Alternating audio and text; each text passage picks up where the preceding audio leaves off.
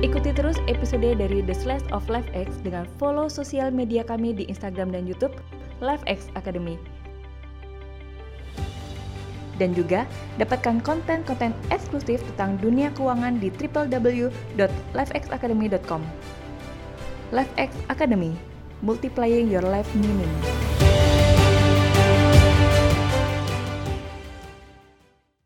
Oke, saya hari ini bersama dengan salah satu pakar dari investment namanya Pak Abraham Lembang juga ditemani Oh, ya. oleh Ibu Deta. Beliau adalah juga Pak apa seorang profesional di karirnya juga. Ya hari ini Pak kita mau ngobrol tentang investasi Pak. Iya. Nah eh, dari Bapak kan dikenal sebagai orang yang mengerti banget tentang melipat gandakan uang Pak. Iya. Bukan dengan magic ya Pak ya. Iya. Nah, kalau boleh cerita Pak, kalau kita nih yang bekerja udah punya uang, gimana sih cara harus melipat gandakan tuh dengan cara apa yang tercepat Pak? Iya. Sebelum saya tanya itu, sebelum saya menjawab itu, eh, dulu ada beberapa bankers karena saya ambil kredit sama mereka, mereka tanya, Pak Abraham, Bapak gimana waktu beli rumah? Hmm. Waktu beli tanah bagaimana? Oke. Pertama kali beli, karena saya eh, cukup banyak saya beli. Saya katakan pada dia, saya beli properti waktu nggak punya uang. Duh, kok bisa Pak? Nah, sebenarnya orang pikir kalau sudah punya uang baru beli, it might be too late. Oh, Hmm, jadi waktu pun nggak punya uang beli. berarti kita pinjem tuh Pak? Bukan? Nah, pertama boleh pinjam atau paksain beli sedikit atau beli kasih DP berpikir kita mikir paksa. Jadi seharusnya orang kalau baru menikah, baru menikah, mau menghasilkan uang, what you gonna do? Istrinya harus mendesak suaminya beli properti. Wah, menarik banget ya kita Kalau enggak, uang selebih dia nggak tahu mau ngapain. Nanti belanja habis udah beli celana lah, beli wine lah, jalan-jalan lah. Hmm, betul.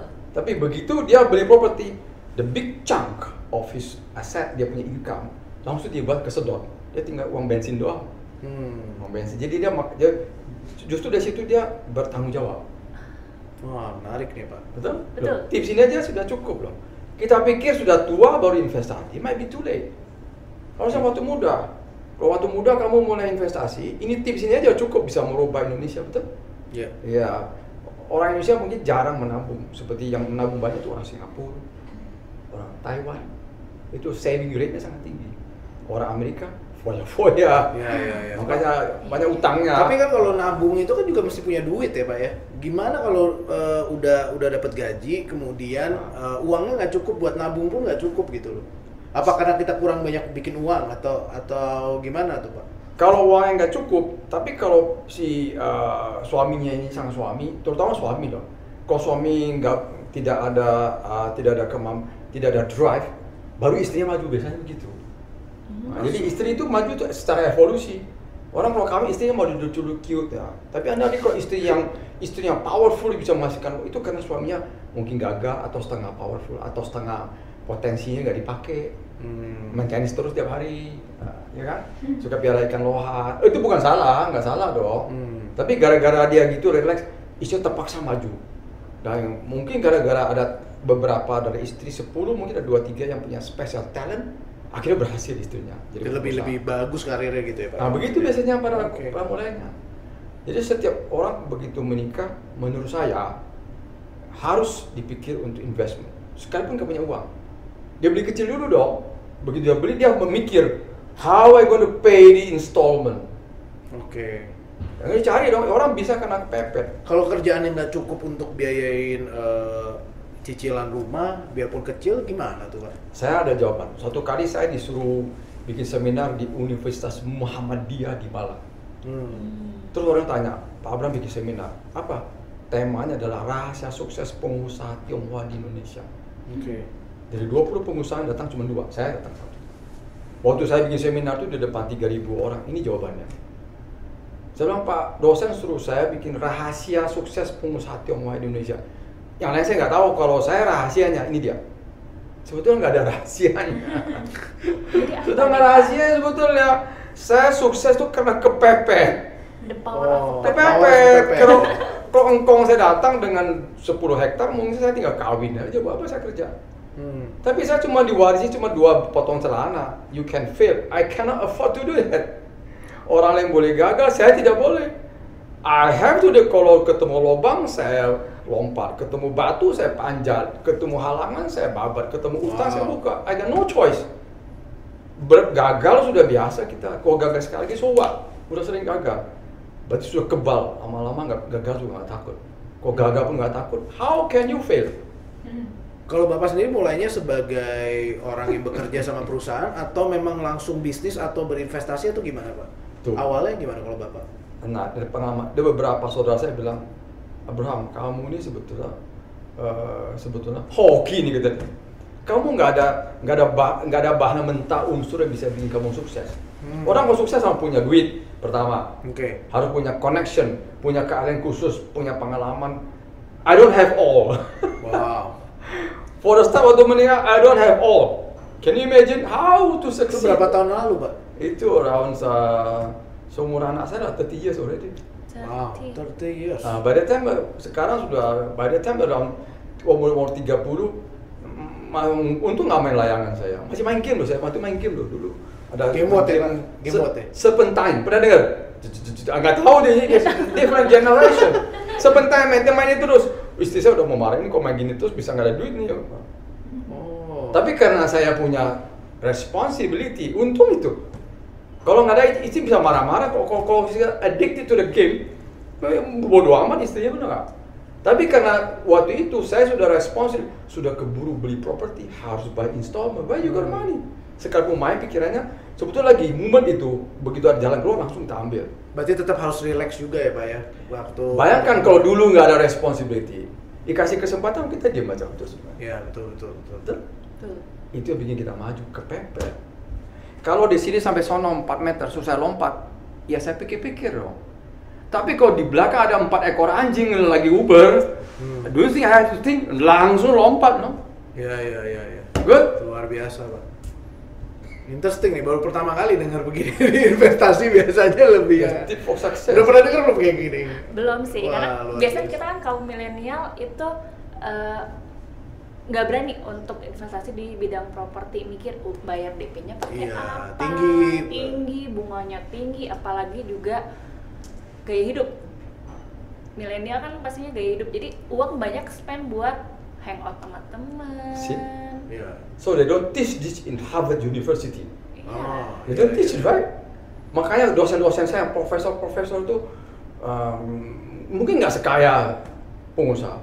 Kenapa pengusaha bisa sukses? Dia nggak mikir jalan dulu baru mikir. Hmm. kenapa orang akademik jarang sukses profesor-profesor? Dia mikir dulu mikir itu itu itu tuh nggak berani coba. Iya, iya, even all the ingredient all the calculation set berani coba?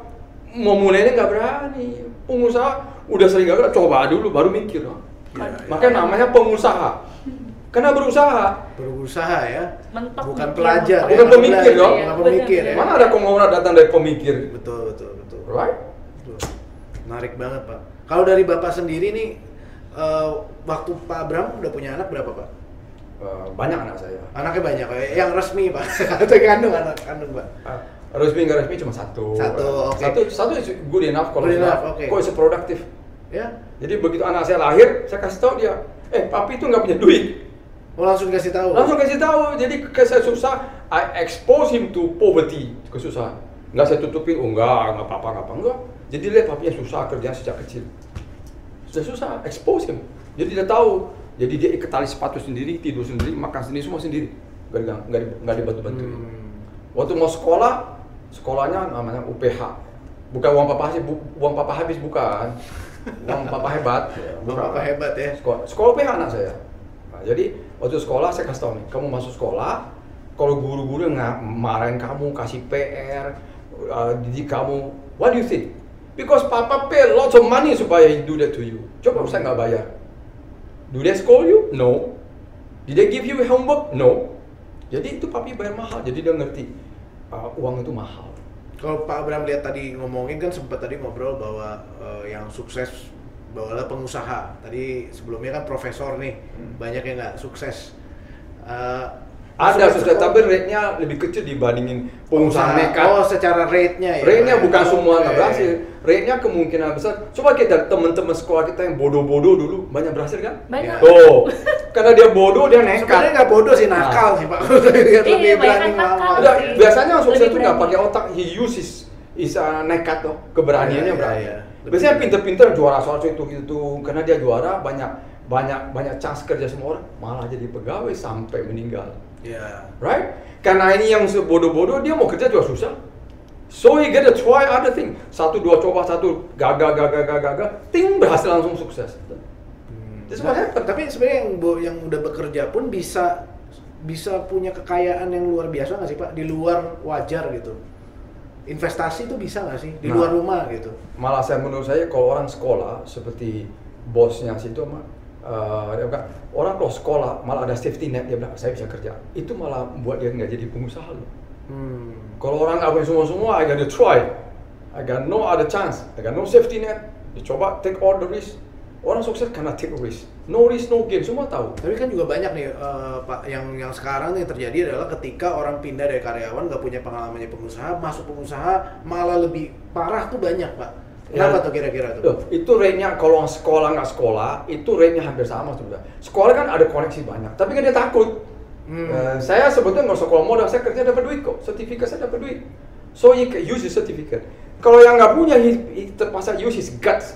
Keberanian dia habis gimana? He got no choice. Ya. Nah kalau bapak sendiri, misalnya investment tadi kan udah ceritain tentang pola pikirnya. Nah kalau kebiasaannya, habitnya pak, habit yang bapak pupuk tuh supaya menjadi seorang investor seperti sekarang itu apa pak? Yang Nah, penting? karena saya sudah pengalaman, udah sering gagal, udah sering pengalaman, jual beli tanah, udah sering main option, udah sering. So, uh, kalau mau berhasil, you have to take a risk. Hmm, berani ngambil resiko. Karena saya adalah professional investor, I'm investment advisor di beberapa tempat. So for me, the risk is a calculated risk. Resiko bukan nggak apa, bukan sembarangan. Resiko sudah diperhitungkan. Kalaupun saya gagal, that's the risk I already calculated and I will take it. I have to take it to success. Kita hanya bisa mengecilkan resiko, tidak bisa bikin sampai nol. Kalau nol itu namanya investasi deposito. Deposito adalah resiko nol. Hmm. Makanya nggak ada orang yang kaya di dunia ini dari deposito. Oke, berarti orang kaya di dunia ini dari apa? Nggak ada yang dari deposito. Coba as. Coba tanya siapa orang kaya di dunia hanya kaya dari deposito aja. Nobody. Oke. Dia to take the buy land, or buy property. Bahkan yang nggak ada izinnya, nggak ada asuransi pun dia beli. Kenapa? Karena murah. Oke. Coba anda ke Jepang, punya 2 miliar, mau gimana mau kaya? Mau dagang bakmi aja, mau ada izinnya begitu banyak. Eh tapi di Bangka Belitung gampang nih mau kaya. Hmm, betul. Right? It's a risky country. Indonesia high risk, high gain. Oke. Same like US 30 years ago. Sekarang anak ke US sekarang mau dagang, mau dagang apa? Kalau modal cuma 1 M mau dagang apa? Indonesia 1 M bisa nggak? Yes, Bisa, bisa. Lebih dari cukup ya. pada cukup. It's America is the land of opportunity dan Indonesia is the land of more opportunity. Hmm. Bahkan di Amerika sekarang lebih banyak kan unemployment malah ya, Pak ya. Oh, iya. Banyak yang orang nggak kerja. Ah, kalau kalau ke Wall Street ada profile ditulis plat. I'm a professor at this university, well known. Now I'm out of job. Dia duduk pakai plat. Ada. Di Wall Street tuh, lihat tuh, pakai taruh kotak minta duit. Itu profesor. Ada begitu di Wall Street. Wow, mencengangkan ya itu. Ah, Juga ya. Indonesia banyak pengusaha konglomerat dulu, bahkan ngomong aja pelok-pelok ada nggak? Ah. Ya. Masih pelok-pelok ngomongnya masih nggak bisa. Jangan kan sertifikat SMA, SD deh, udah kaya raya tuh. Ada juga kan? Nah, Seberapa penting sih Pak Abraham buat orang menjadi kaya? Karena banyak kan orang kita dari kecil nih, saya juga gitu. Kita pada pengen kaya tapi bingung caranya. Nah sekarang kan dengan internet, informasi, harusnya lebih gampang kan? Dan banyak memang kan miliarder muda nih kalau kita lihat nih Pak Abraham. nomor satu pikiran bukan mau kaya bukan. Nomor Oke. satu sebelum ngomong kaya dulu, financial free itu dulu. Financial What is free. financial free? Jadi kalau you have passive income, kamu tidak kerja, passive income. Ya kamu tidur aja. Nah, income itu bisa menutupi semua kebutuhan ga- dengan gaya hidup yang sama tanpa kamu kerja. That's called passive income. Kalau itu menutupi semua, itu namanya financial free. Itu baru tahap menjadi kaya. Hmm. Kalau itu nggak lewat, you cannot be rich. Oke. Ya, jadi ada kerja nih. Itu bukan financial free. Anda kerja kan? Kerja dari, dari waktu Anda, dari effort Anda, ilmu Anda, get money. Eh kalau kamu sakit nggak dibayar kan? Iya, betul. Nah, oleh karena itu harus punya beberapa passive income. Misal beli properti atau main uh, forex with dangerous bahaya high risk atau main koperasi atau apa whatever it is. Tapi pokoknya kamu tidur nih, hari ini kamu nggak kerja. Ada income passive income yang masuk bisa menutupi semua kebutuhan kamu dengan gaya hidup yang sama dan you're financially free. Berarti kita yang dari bekerja atau punya Harus bisnis itu dulu. bangun uh, passive income Yeah. instrumen gitu ya. Itu harus dari muda. Orang pikir kalau banyak banyak teman saya saya lihat waktu umur sudah 60 waktu dia mulai pensiun baru panik. Gua kerja apa panik dia? Post power syndrome, Syndrome. income nggak ada tiba-tiba panik. Banyak yang sudah sudah selesai pensiun ya masih bawa tas kerja, padahal udah nggak ada kantor. Dan istrinya tahu, istri juga nggak berani negor, habis kasihan dia. Dia bawa, bawa kantor, masih ketemu teman lama, teman dia udah sibuk, orang lagi sibuk. Tapi dia sudah pensiun. Bingung mau apa? bingung. Tapi kalau dia punya passion kan dia pede. I don't have to do that. Saya minum kopi, tenang-tenang ngobrol, relax. Ya, jadi harus siapin dari sekarang. Even you are working still now, you cannot wait until umur 60 baru siapin kapal kedua. Hmm. Who knows? Siapa tidak tahu. Banyak orang pikir, kan perusahaan kerja baik-baik, bosnya baik, bener. Tapi kalau company kamu taken over by somebody company, somebody else, dia akan ganti MD-nya. Ya. Berarti Dia akan ganti safe. generalnya dia kan? Eh banyak yang terjadi. Ada bank terbesar beberapa bank Indonesia, dia orang kerja sangat tekun, dia kerja dan masa depannya bagus. Perusahaannya juga besar dan dia juga tenang-tenang. Eh tiba-tiba perusahaannya taken over by somebody else, somebody company. Ada nggak? Ya. Ada. Tentu bos baru mau general baru dong. Yang lama tiba-tiba dia tiba-tiba bingung. You want to prepare after you 60, don't you think it's a bit too late? Betul betul pak. Lebih baik dari Terlambat. 10. Jadi harus ada multi stream of income. Baik dari properti kecil sekalipun atau apa skill. Besok-besok kok ada apa terjadi, kamu bisa sudah siap. Kalau beli bisnis atau beli franchise menurut bapak itu adalah bagian dari membangun itu bukan pak? Betul, franchise kenapa dia franchise? Karena lebih gampang sudah kemungkinan berhasil lebih tinggi daripada saya buka sendiri. Hmm, berarti Misalnya- tadi ada properti, ada franchise. Nah, macam-macam dong. Macam-macam. Multi stream of income. Oke.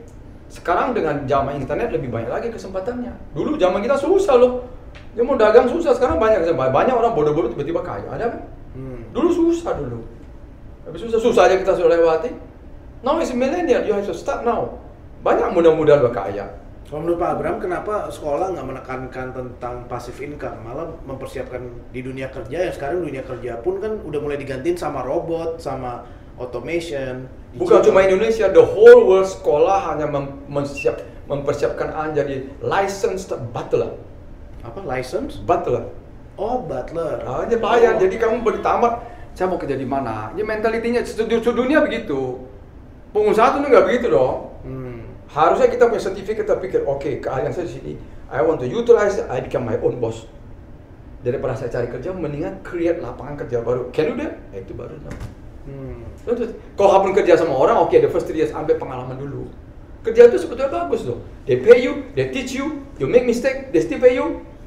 True. Hah? Tapi begitu kamu sudah kuat, jangan kelamaan situ atau siapin dulu yang lain dong. Siapa tahu ada apa-apa. Siapa tahu eksiden kaki patah ada kan? Iya. Iya. Nggak bisa kerja.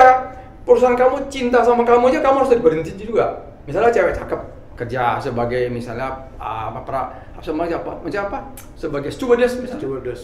Nah, kalau tiba-tiba ada apa-apa, the company love you still have to fire you. Iya. Kok ada gimana? Dia masa pelayanan harus harus harus kompetitif dong. Juga istri.